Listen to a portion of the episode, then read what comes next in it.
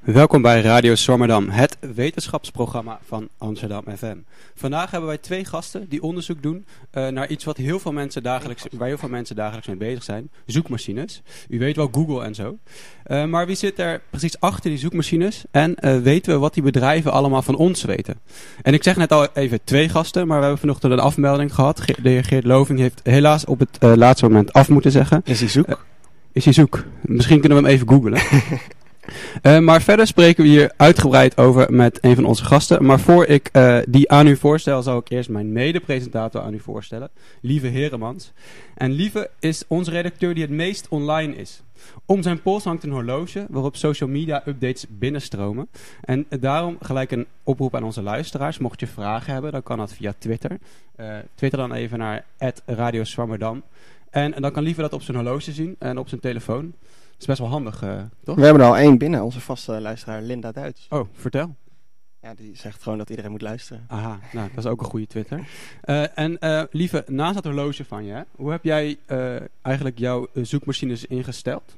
Nou, ik gebruik eigenlijk uh, twee browsers meestal naast elkaar, dus Safari en uh, Chrome. En in Safari heb ik Google als standaard zoekmachine, maar in Chrome DuckDuckGo. DuckDuckGo? Ja, dat is een uh, Nederlandse zoekmachine die alle privacy garandeert, tenminste, dat zeggen ze. en die houden niet je zoekgedrag bij, waardoor de resultaten die je eruit krijgt soms heel verwarrend zijn. Omdat je op plekken uitkomt waar je normaal niet uitkomt, waar Google je normaal wel naartoe brengt. En ik heb ook allemaal uh, ad-trackers en blokkers. En wat zijn dat? Ja, dat zijn uh, programma's die ervoor zorgen dat Facebook en Twitter niet kunnen kijken wat voor, uh, waar je allemaal naartoe gaat op het internet. Waarom vind je dat zo belangrijk? Ja, ze verdienen daar geld aan. En voor mij hoeft dat niet. Als ik het gratis kan omzeilen, waarom dan niet? Maar je maakt toch ook gratis gebruik van Ja, maar goed, er zijn zoveel mensen die dat gratis gebruiken. En dan hoeft jouw centje er niet mee? Nee, ja, en sowieso verdienen ze alsnog geld aan mij. Dus gewoon iets minder. Oké. Nou, als, onze eerste gast is Maarten de Rijken uh, van de Universiteit van Amsterdam. En u werd opgeleid als filosoof en wiskundige. En u promoveerde aan, uh, op modale logica. En doet nu vooral onderzoek uh, op het onderzoeksgebied information retrieval. retrieval. Vrij vertaald is dat het herwinnen van informatie. En uh, u publiceerde meer dan 600 papers, 40 boeken en u wordt veelvuldig geciteerd. En uh, u schrijft eigenlijk veel over zelflerende zoekmachines en het analyseren van social media. Hartelijk welkom. Uh, welke zoekmachines gebruikt u zelf eigenlijk? Google en DuckDuckGo. En waarom de twee naast elkaar?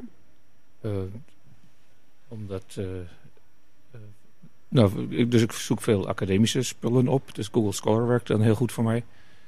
Uh, en verder denk ik er ongeveer zo over als uh, Lieven het net voorstelde. Uh,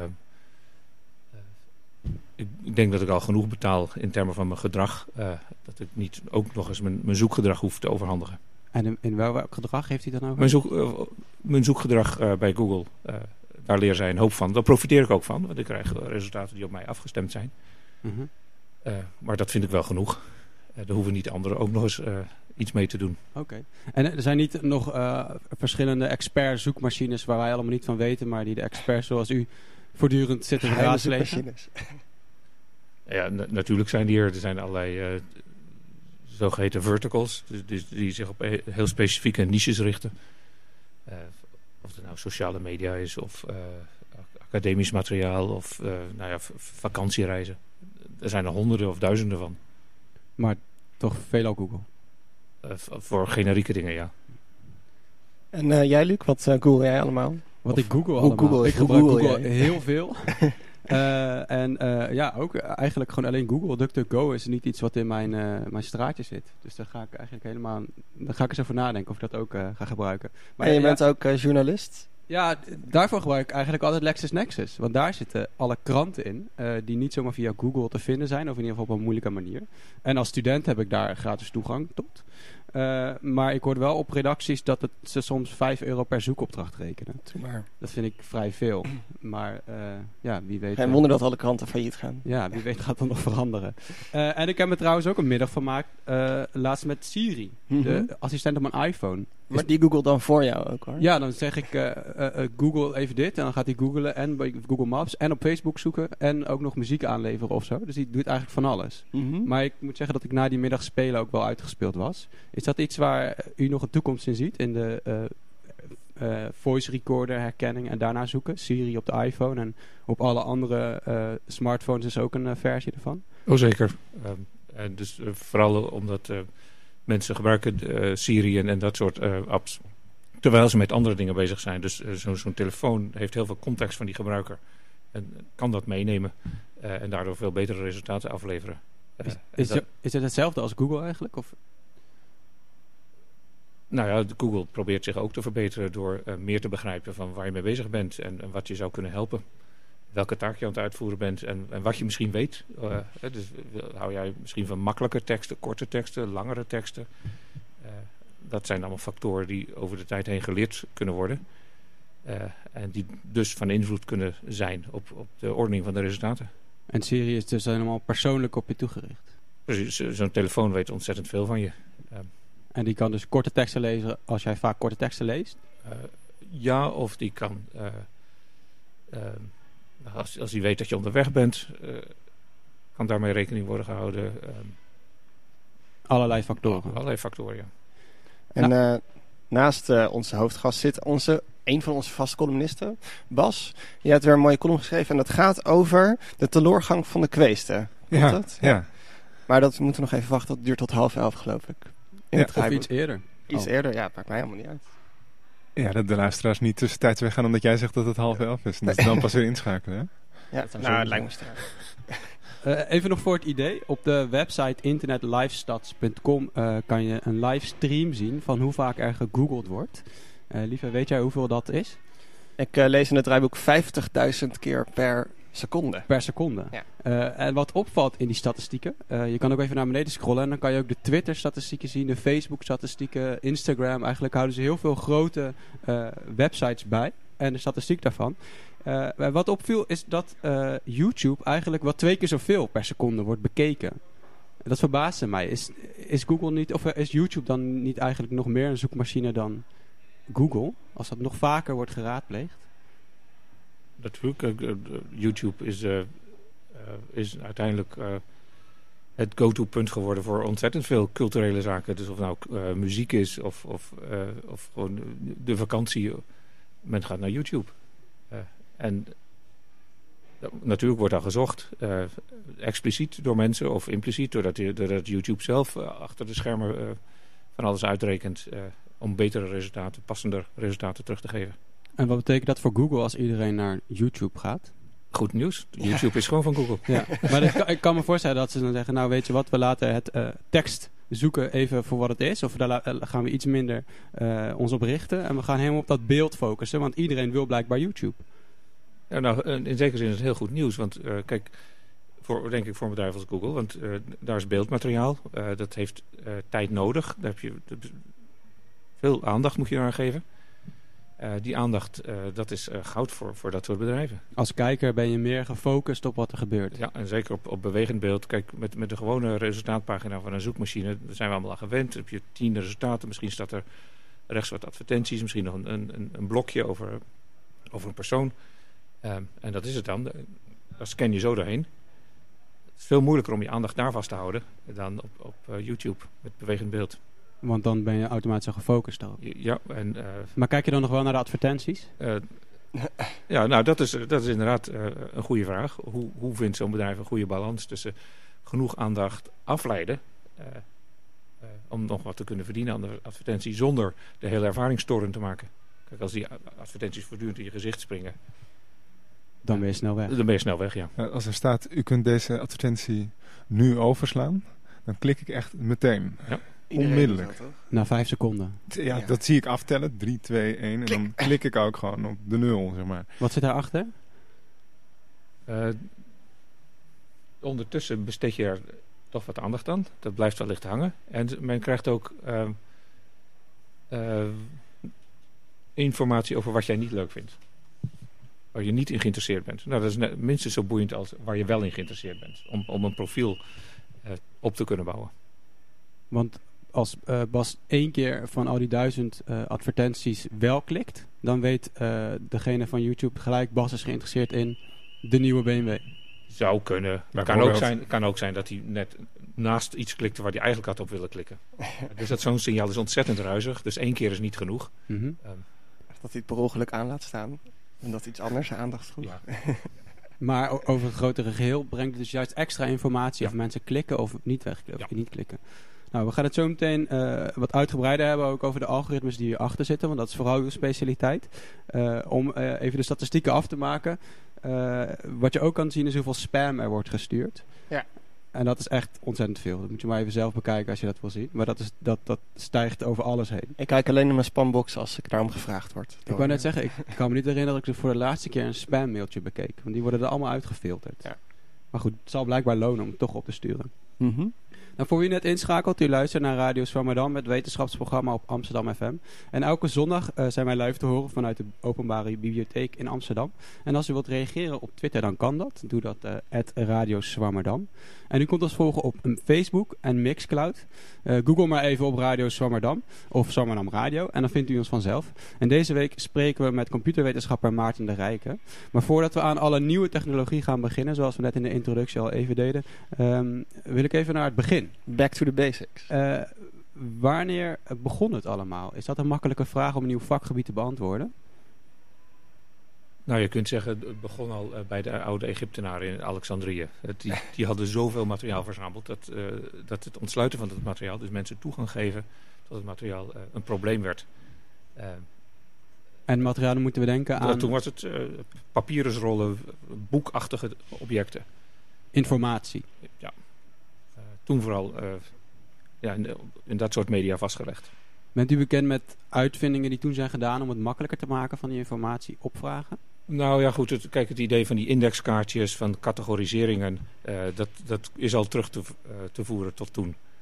Natuurlijk niet zoals we het nu kennen in de, in de moderne bibliotheken, maar de kern zie je in die tijd al.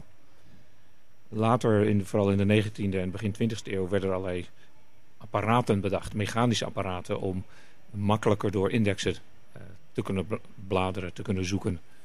Eh, en de, de eerste eh, elektronische of digitale representaties van, van die informatie, die stammen uit de tijd rondom de Tweede Wereldoorlog. En toen had men ook meteen door, ja, dit gaat een probleem opleveren, want hoe meer we kunnen opslaan, hoe lastiger het wordt om dingen terug te kunnen vinden. Waarom was dat toen ineens dat men dacht van dit wordt een probleem? Eh, eh, de, de wetenschap had een enorme vlucht genomen. Dus dat werd vooral een probleem gevonden op dat moment eh, in de wetenschappelijke literatuur. Er werd ontzettend veel gepubliceerd.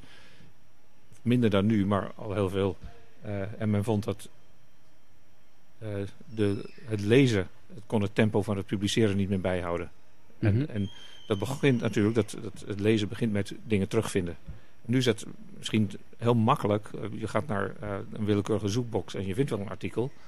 Toen was het lastiger. Je moest naar een bibliotheek. Eh, vaak kon je er niet rechtstreeks zelf bij. Er zat nog een intermediair tussen. Moest je aan uitleggen wat je nou eigenlijk zocht. Die ging dan vervolgens het archief in. En kwam eh, misschien dezelfde dag, maar soms ook eh, dagen later terug met de resultaten. Nou, dat tempo is misschien nu nauwelijks meer voor te stellen. Dat lage tempo. Dus dat was toen zeker een blokkade voor het ontsluiten van die wetenschappelijke literatuur. Er werd ook eh, rondom de Tweede Wereldoorlog enorm geïnvesteerd in wetenschap. Ook juist vanwege de Tweede Wereldoorlog. Dat klinkt misschien eh, enigszins paradoxaal. Waarom doe je wetenschap als er een oorlog is? Nou ja, Om de tegenstander te verslaan. Precies, dat was voor een deel al een technologische oorlog. Dus ehm, daar, daar had je ook een eh, wetenschappelijke wedloop. Ehm, uit die tijd stamt ook een, een, een stuk waar je wellicht heen wilt. Dat van Vannevar Bush, As We May Think. Die Dat is wat Google mij vertelde als we Google op het begin van eh, zoekmachines. Dus die had een idee eh, van een apparaat, eh, dat noemde die Memex. Ehm, dat, dat apparaat kon alle informatie opslokken, indexeren en op een geschikte manier weer beschikbaar maken voor, voor jou. Het, het idee was een soort van tafel, aan de ene kant documenten ingingen en aan de andere kant eh, ook gesproken kon worden. Het idee van eh, spreken met een apparaat en het apparaat begrijpt tot op zekere hoogte. eh, De Syrië in de Tweede Wereldoorlog. Precies, daar kwam hij ook al mee. Ehm, en wat, wat ik ook een belangrijk aspect vind van zijn idee is dat ehm, hij probeerde te onderscheiden eh hoog niveau taken, slimme taken van meer eh, ja, taken die zich steeds herhalen en die je eigenlijk gewoon aan de machine zou willen overlaten. Mhm. Ehm,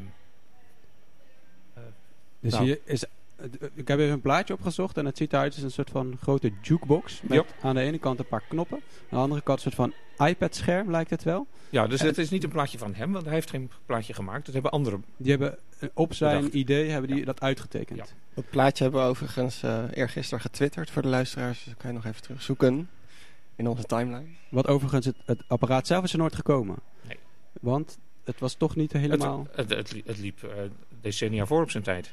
Eh, de- eh, die technologie was er nog helemaal niet. Ehm, Maar waarom is dit dan toch het beginpunt? Eh, wat, is, wat is daar dan precies begonnen? Eh, begonnen is eh, het werk aan het systematisch nadenken over hoe je machines eh, mensen kunt laten helpen om bij informatie te komen. En daarvoor werden, we- werden machines eh, alleen gebruikt om andere mensen te vernietigen of Eh, om te rekenen bijvoorbeeld. te rekenen. Eh, En Maar- in principe doen ze dat nog steeds, toch?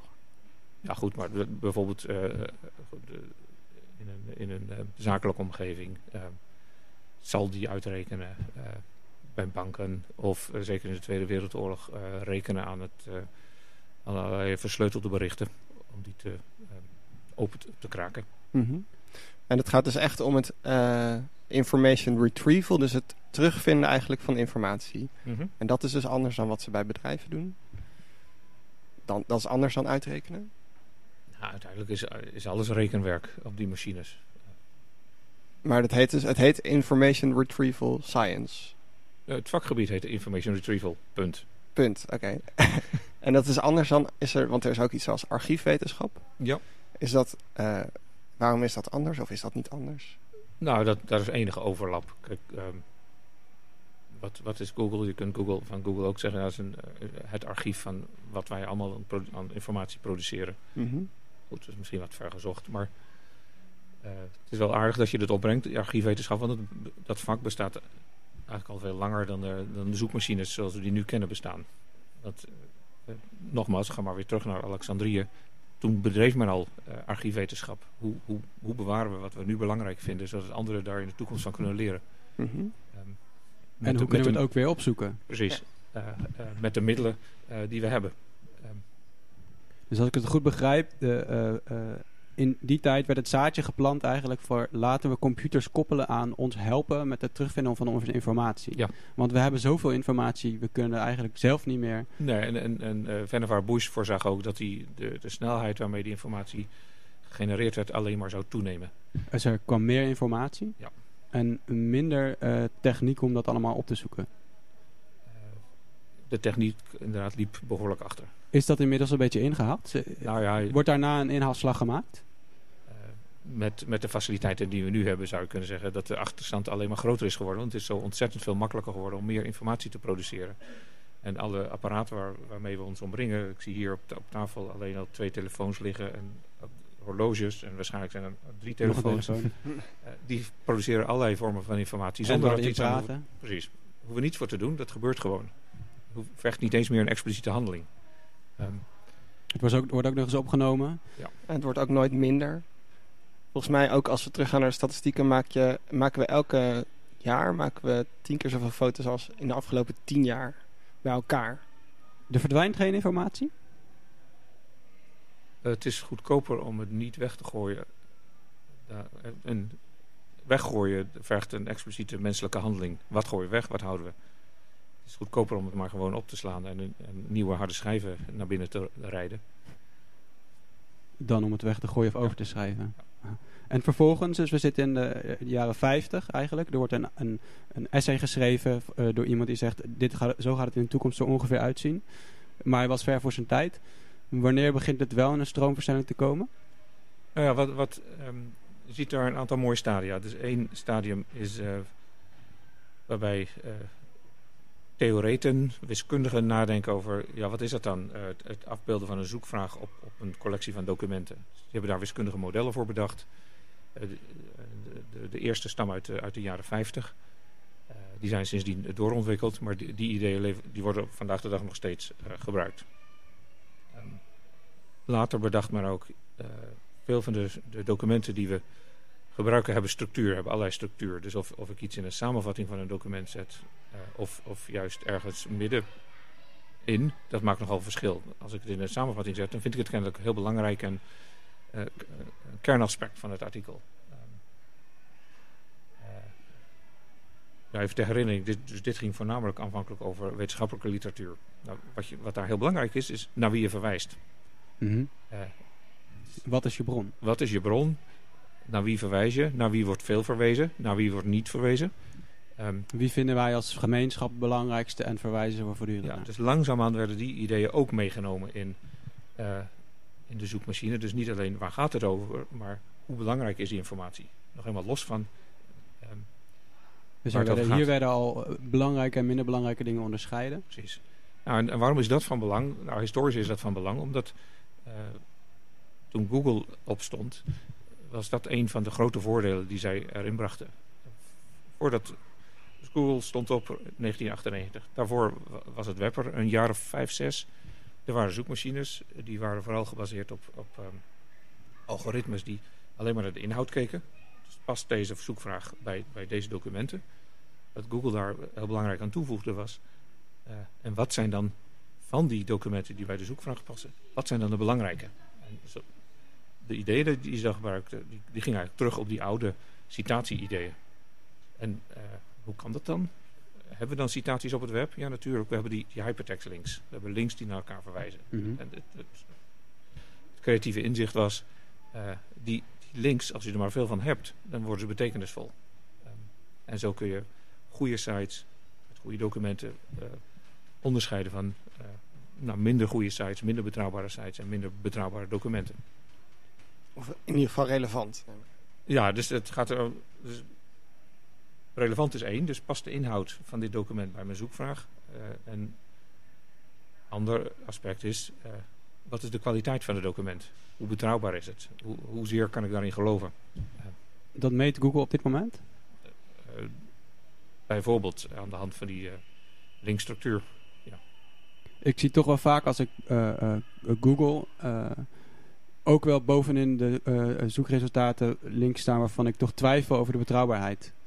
Eh, is het iets wat, wat Google steeds meer en meer uitfiltert? Of zit ik eh, te googlen op moeilijke onderwerpen waar, waar het heel moeilijk is om de betrouwbaarheid vast te stellen? Het kan ook zijn, dat is, dat, is, een- dat is een goed punt. Het kan moeilijk zijn om het vast te stellen. Het kan ook zijn dat, ehm, dat er verschillende perspectieven zijn op een onderwerp. En dat, en dat Google vindt dat zij niet één dominant perspectief door moeten duwen. Dus ook andere perspectieven waarvan jij misschien denkt, waar komen die lui vandaan, eh, toont.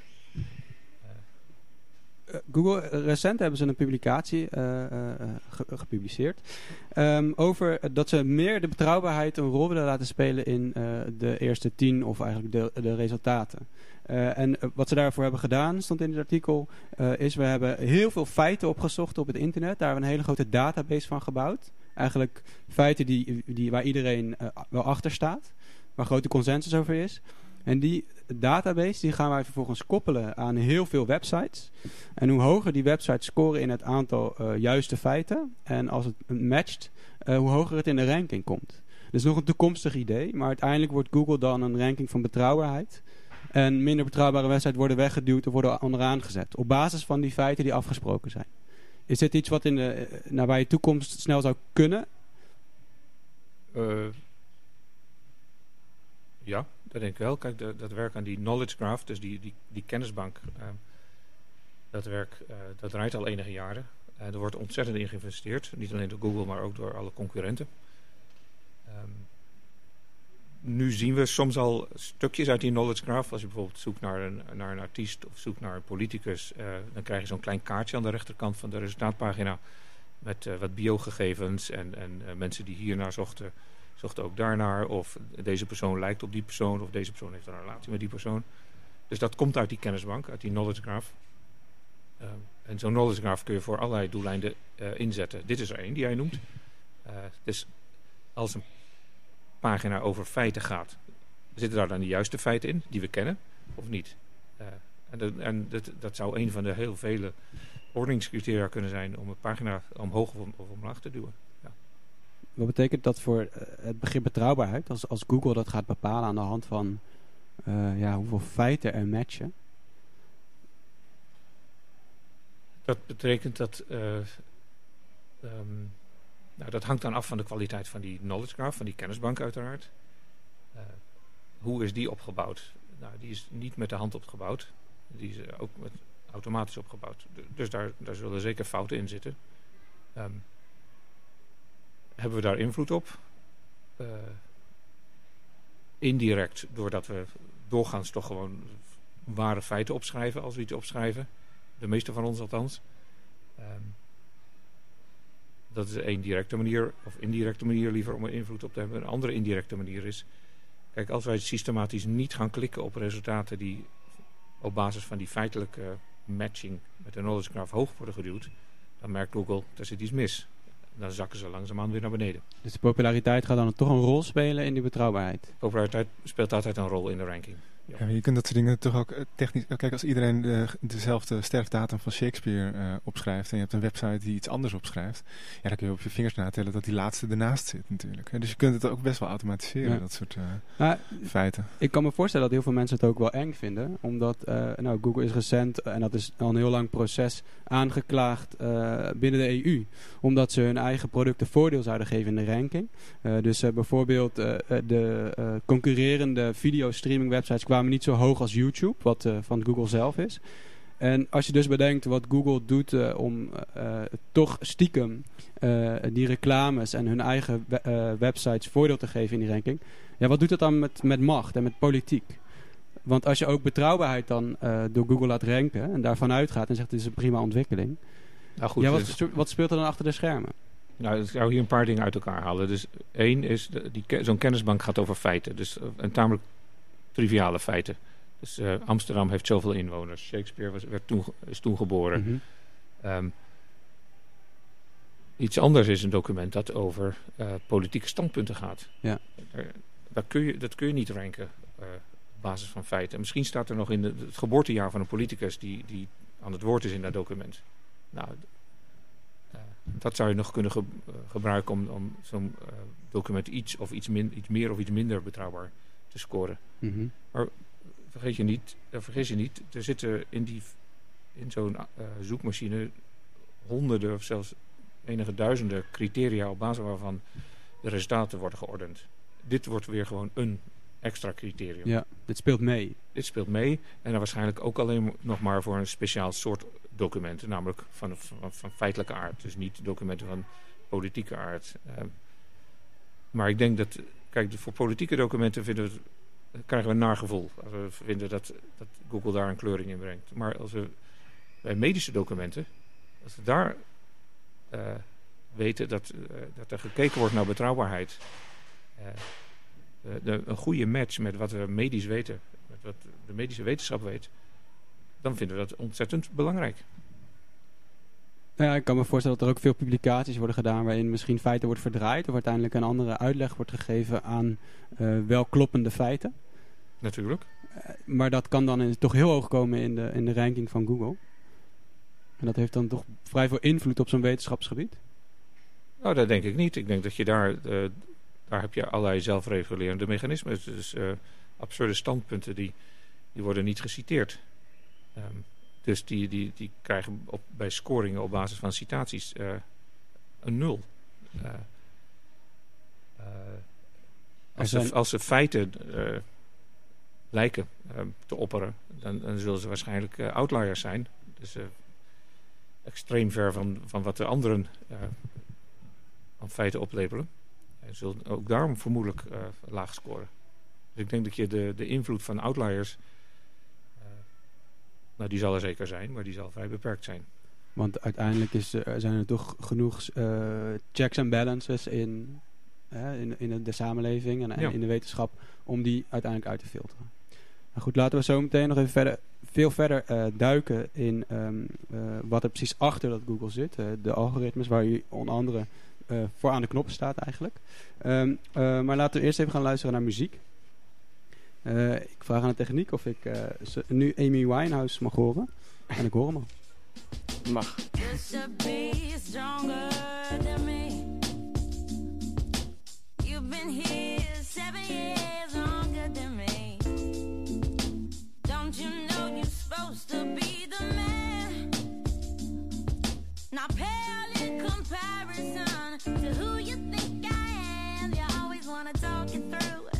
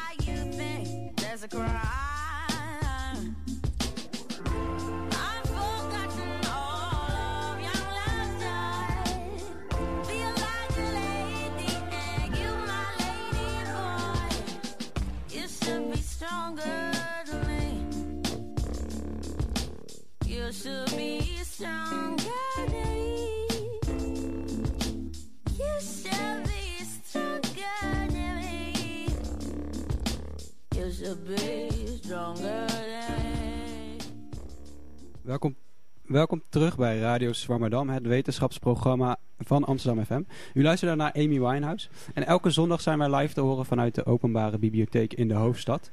En deze week spreken we met computerwetenschapper Maarten Rijken. eh, Maarten de Rijken, pardon. En voordat, maar voordat we verder praten met onze gast, gaan we eerst luisteren naar onze column van Bas Belleman. Als een ridder de heilige graal zocht, dan stapte hij op zijn paard en reed naar een kasteel in een ver land waar iemand woonde die er misschien meer van wist. Als die hem een verhaal vertelde, kon hij weer verder, na eerst wekenlang te gast te zijn geweest. En zo kon hij zijn leven wijden aan het vinden van de heilige graal. Hij kon ook iets anders zoeken, bijvoorbeeld zijn ware liefde. Het idee dat we moeite zouden moeten doen om iets te vinden, begint te verdwijnen. Het is ook echt makkelijker om iets te vinden. Je leest over een nieuwe band en je vindt hem meteen op YouTube. Je slaat de Wikipedia-pagina erop na en je weet al meteen vrij veel. Je hoeft niet meer door de regen naar de platenzaak te fietsen om de nieuwste muziek te horen en op de platenhoes te lezen wie er meespeelt. En dit dringt steeds meer door in het gewone leven. Wie bijvoorbeeld zijn grote liefde zoekt, reist niet meer stad en land af, maar googelt de datingsite die het best bij hem of haar past. Alleen voor hoger opgeleiden of wat ook maar het criterium is. En zelfs het idee dat je zou moeten zoeken naar de liefde raakt steeds meer in discrediet. Je zoekt niet, je staat open. Je gaat niet op zoek, je zwerft en je surft. En zo verdwijnt het ideaal van de ridder en daarvoor in de plaats komt het ideaal van de zwerver, de landloper, de minstreel. Alleen dan met een leuke baan. Zwerven doe je in je vrije tijd.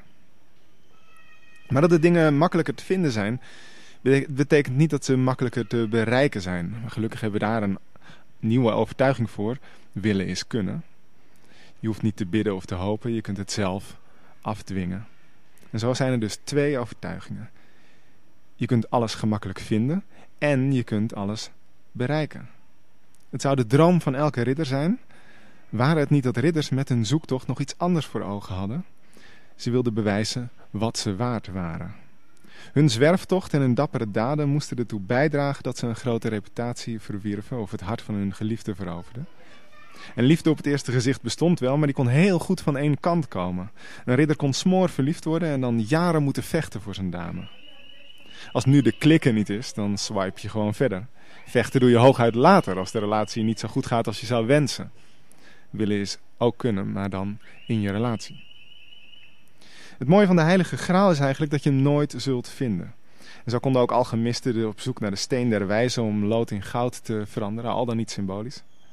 En de zoektocht zelf was een deel van het doel.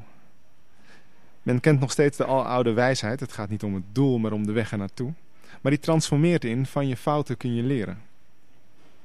Zou er een ridderlijke zoekmachine kunnen bestaan die je helpt bij de zoektocht zelf, zonder zich om het doel te bekommeren? Zou er een soort Google kunnen bestaan als het orakel van Delphi, een zoekmachine die het raadsel vergroot? Een zoekmachine die de vraag stelt: waarom wil je dit weten?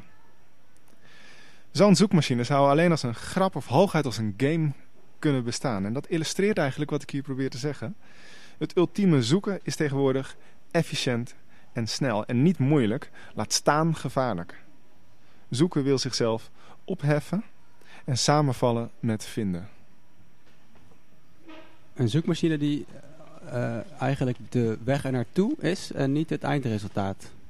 Klinkt dat als een zoekmachine die u zou bouwen? Ja, en dat is een boeiende. Dus, uh, in dit onderzoek, uh, dat is nog heel ver weg van producten af, uh, kijken we naar dingen als slow search. Dus niet om ergens zo snel mogelijk te komen. Nee, om langs zoveel mogelijk interessante dingen te komen. Nee, echt? Je... Ja, slow search noemen we dat. Wauw, ik ben mijn tijd ver vooruit. Met mijn ridders. Ja. Waar kunnen we het vinden? dat is nu nog geen product. Maar nee hoor, daar moet je nog een moeite voor doen. Dat kun je niet zomaar vinden dit. Oh ja, natuurlijk. Dus daar kun je de vraag. Maar, maar juist ook, uh, uh, kijk, dat, dat een zoekmachine meteen antwoord geeft op, op makkelijke vragen, dat is, daar zijn we het over eens. Ik denk dat dat nuttig is. Uh, maar juist voor die grotere vragen willen, willen we de toevalstreffers een kans geven. We willen ervoor zorgen dat, dat er niet op één perspectief wordt aange drongen, maar dat er meer perspectieven zichtbaar worden. Dus dat in zekere zin het voor de zoeker moeilijker wordt. Die moet zelf gaan kiezen uit die perspectieven. Um, nou, dus dat, dat is boeiend voor de zoekmachine. Want die, die, moet in zekere zin uh, niet doen uh, wat hij met heel makkelijke vragen wel moet doen. Namelijk, hier is het antwoord. Um, have a great day. Uh, geef niet het antwoord, maar help, help eigenlijk meer vragen te stellen. En wat voor type vragen denk je dan aan bij dit onderzoek? Nou, dat, dat kan bijvoorbeeld gaan over uh, uh, vragen van historische aard, of vragen van politieke aard. Uh, waarom wordt iets gedaan? hoe doet men iets? dan zou je meteen een recept kunnen geven bij ja, hoe bak je een ei. Maar misschien is het ook boeiender om alternatieven aan te reiken. niet alleen het kook meest populaire. Ja, ja, ja. En dus ja ik, vind dat heel interessant. Dat zou, dat, zou ik, dat, zou ik nou wel willen gebruiken eigenlijk. Maar zou je kunnen zeggen dat, we hadden het net over DuckDuckGo, die dus niet met je, op basis van je zoekgedrag resultaten geeft. Dat je dus al een veel diverser antwoord krijgt. Dat dat wel een stapje is in die richting. Ja, kijk, we hadden het net over de geschiedenis van die zoekmachines. We hadden eh, een aantal dingen benoemd. Eén is eh, wiskundige modellen om uit te rekenen hoe eh, de inhoud van een zoekvraag bij de inhoud van een document past. Citatie-ideeën hebben we besproken. Wat we nog niet besproken hebben daarbij is ehm, eh, interactiegedrag. Waar wordt op geklikt? Hoe lang besteedt men aandacht aan iets? En, dat is wat DuckDuckGo niet gebruikt, of nauwelijks gebruikt. Ehm, we weten uit onderzoek dat, dat wel de resultaten enorm verbetert als je het interactiegedrag wel meeneemt. Ehm, daarom gebruikt iedereen dat ook. Eh, want het geeft een veel betere ervaring en veel beter toegespitste resultaten. Eh, het is ook wat een zoekmachine in staat stelt om te leren van zijn gebruikers. Eh, net zozeer als een gebruiker van die zoekmachine leert. Namelijk bijvoorbeeld interesses verschuiven of het leesgedrag verandert. Dat kan een zoekmachine oppakken. Maar- alleen als hij de interactiedata mag gebruiken. En dat kan dus dan niet. Nee. En maar Bas, jij zei net in je column al... eh, een zoekmachine die leert van jouw fouten.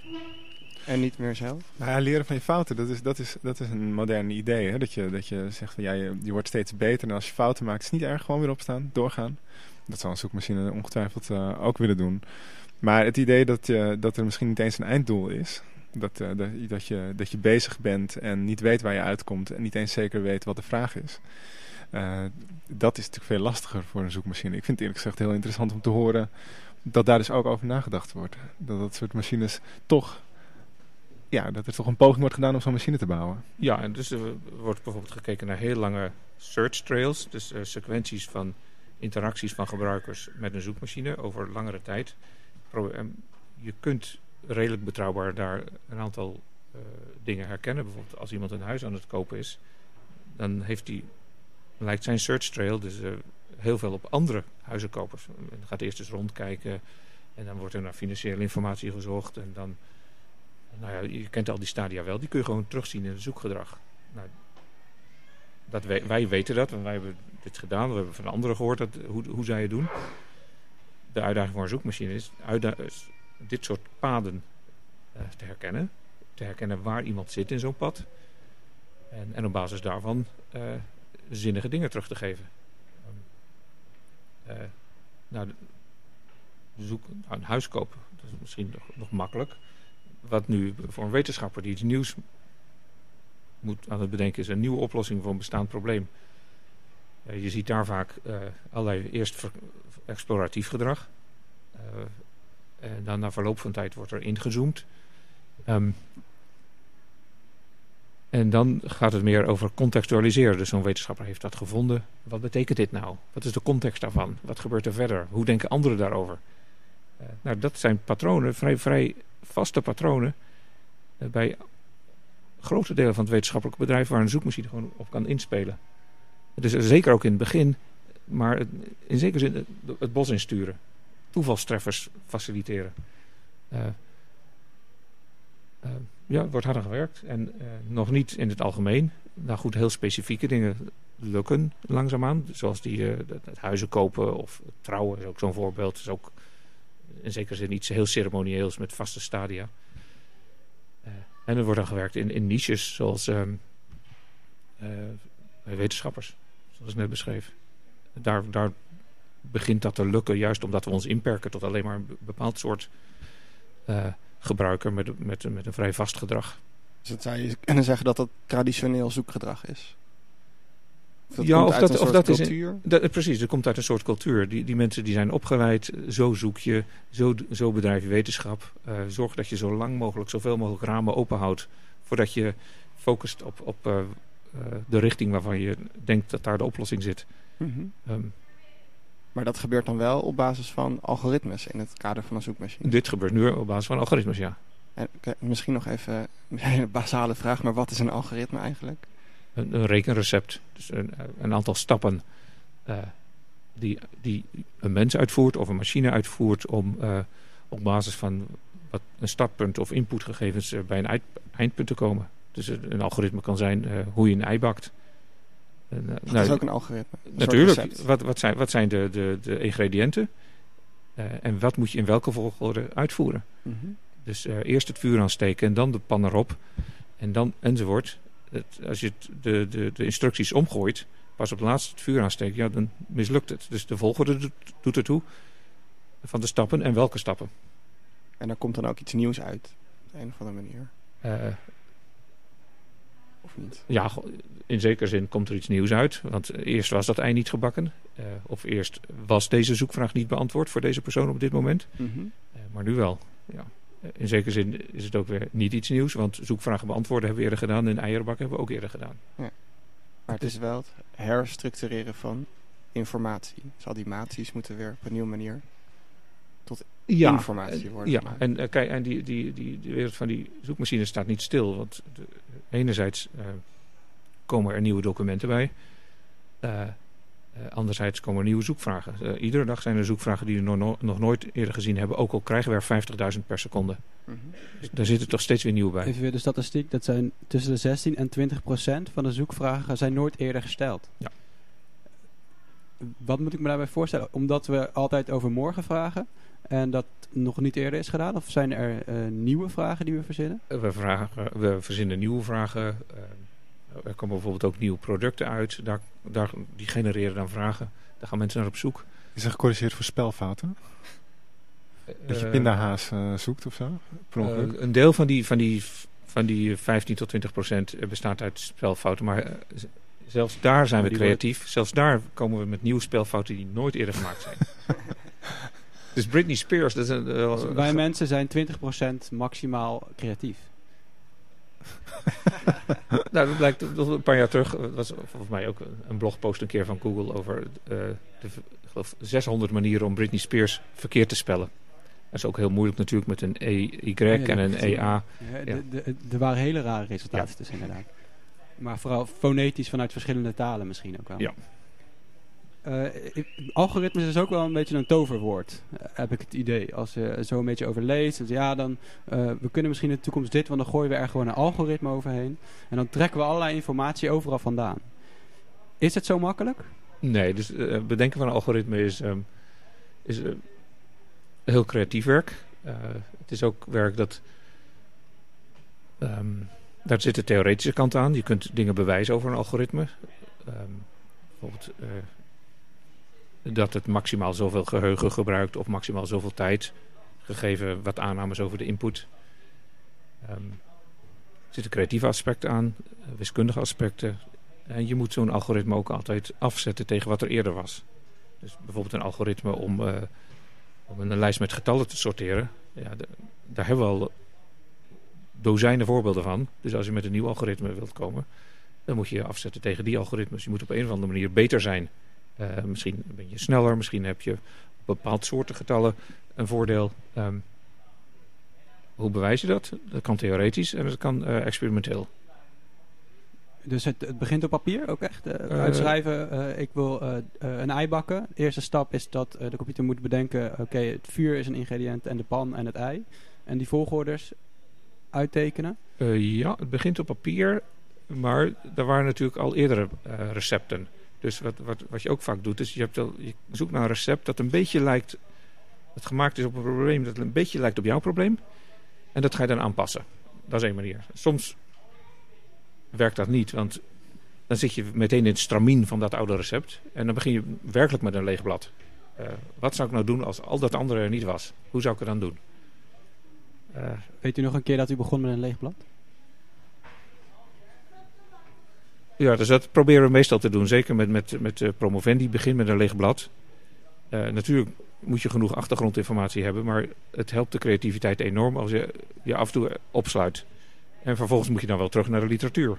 Eh, want soms is het nuttig en heel leerzaam om het wiel opnieuw uit te vinden. eh, als leermoment. Mhm. Maar daar komen we niet mee verder. En dan, dan kunnen de eh, studenten kunnen naar veel plekken kijken waar al algoritmes zijn. Eh, maar niet naar Google, eh, Nee. las ik. Want Google die, gooit het niet openbaar, het algoritme. Nee. Is dat problematisch? Want het is wel misschien het meest gebruikte algoritme. Of ze bezitten alle meest gebruikte algoritmes op het moment. Nou, er, is natuurlijk, er, is, er wordt heel veel, heel veel gepubliceerd in dit gebied. Ehm, eh, wat Google vaak doet is niet vooraf publiceren, maar achteraf. Eh, en dan zie je dat er meteen ook eh, bijvoorbeeld open source implementaties komen. Ehm, die, die zijn open source en, en die worden ook in de open literatuur beschreven. Ehm, verder, ja, ik, is dat een probleem dat iets dat zo belangrijk is eh, en zoveel gebruikt is niet open is.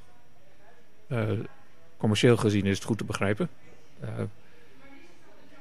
iets meer transparantie is wel gewenst, denk ik. Maar kunt u een inschatting maken over wat er allemaal achter zit? Of is dat echt een raadsel? Daar kunnen we wel een inschatting over maken, ja. Er zijn gewoon mensen die het weten, die zeggen het alleen niet. Nee, en, eh, en, en er, zijn, eh, er is genoeg gedeelde kennis in de, in de open literatuur.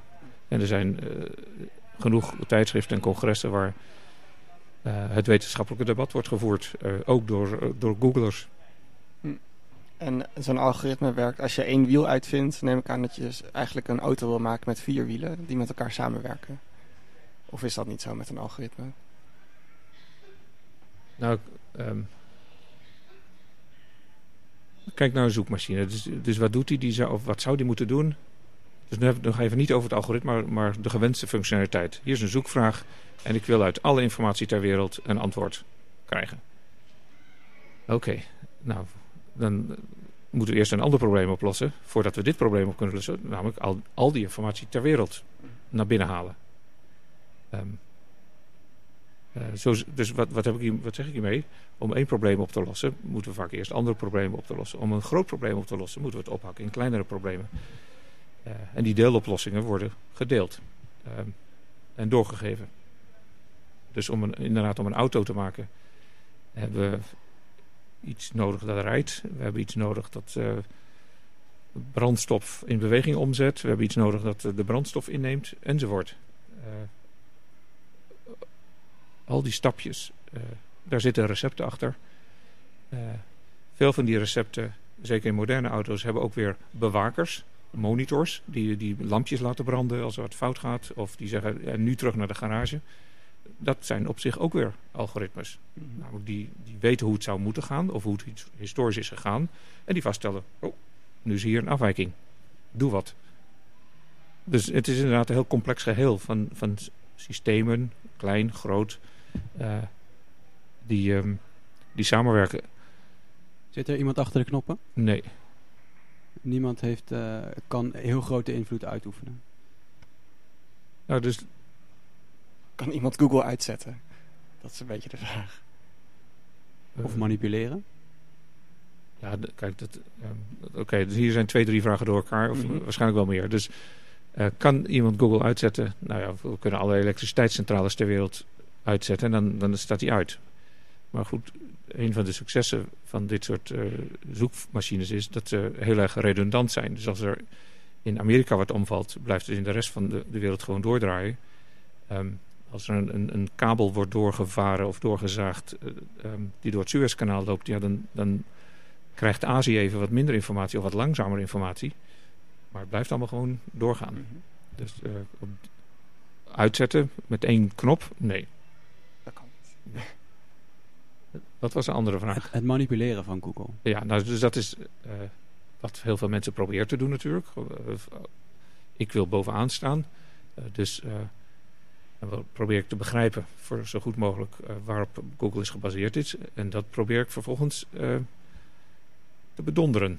Eh, Te bieden op woorden, zodat je hoger in de ranking komt.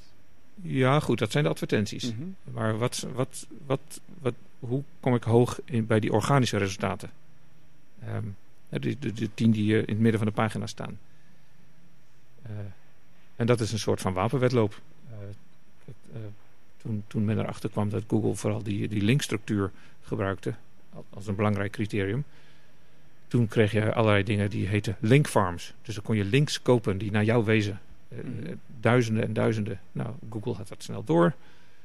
Dus bedacht iets om, om hier omheen te gaan. Nou ja, die, met die linkfarms is ontzettend... en de spam in het algemeen is ontzettend veel te verdienen. Dus dat, dat trekt ook slimme mensen aan. Die bouwen daar weer iets omheen. Google doorziet dat. Enzovoort. Dat, dat houdt niet op. Dus eigenlijk manipuleren we Google voornamelijk zelf. Zodat we weten hoe het werkt.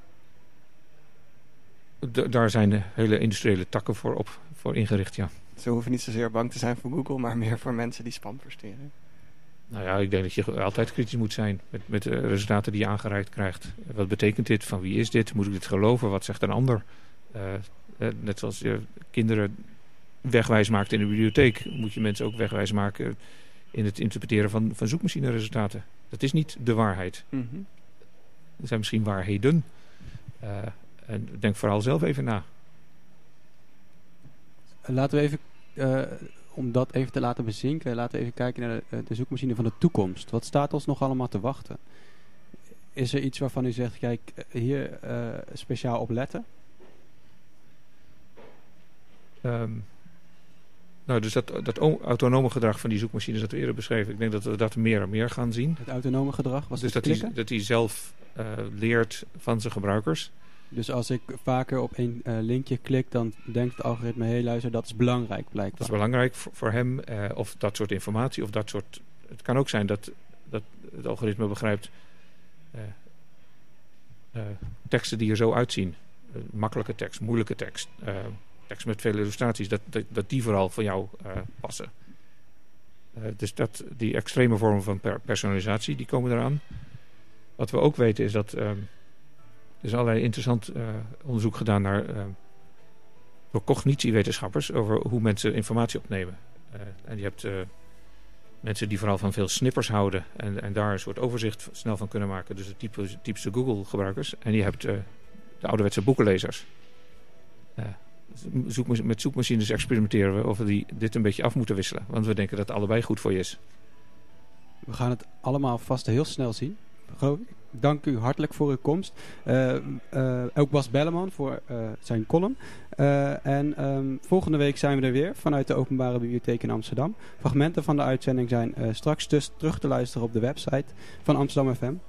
Eh, en ik bedank Tim Wagenmakers voor de techniek. En nogmaals Maarten de Rijken, hartelijk bedankt voor uw komst.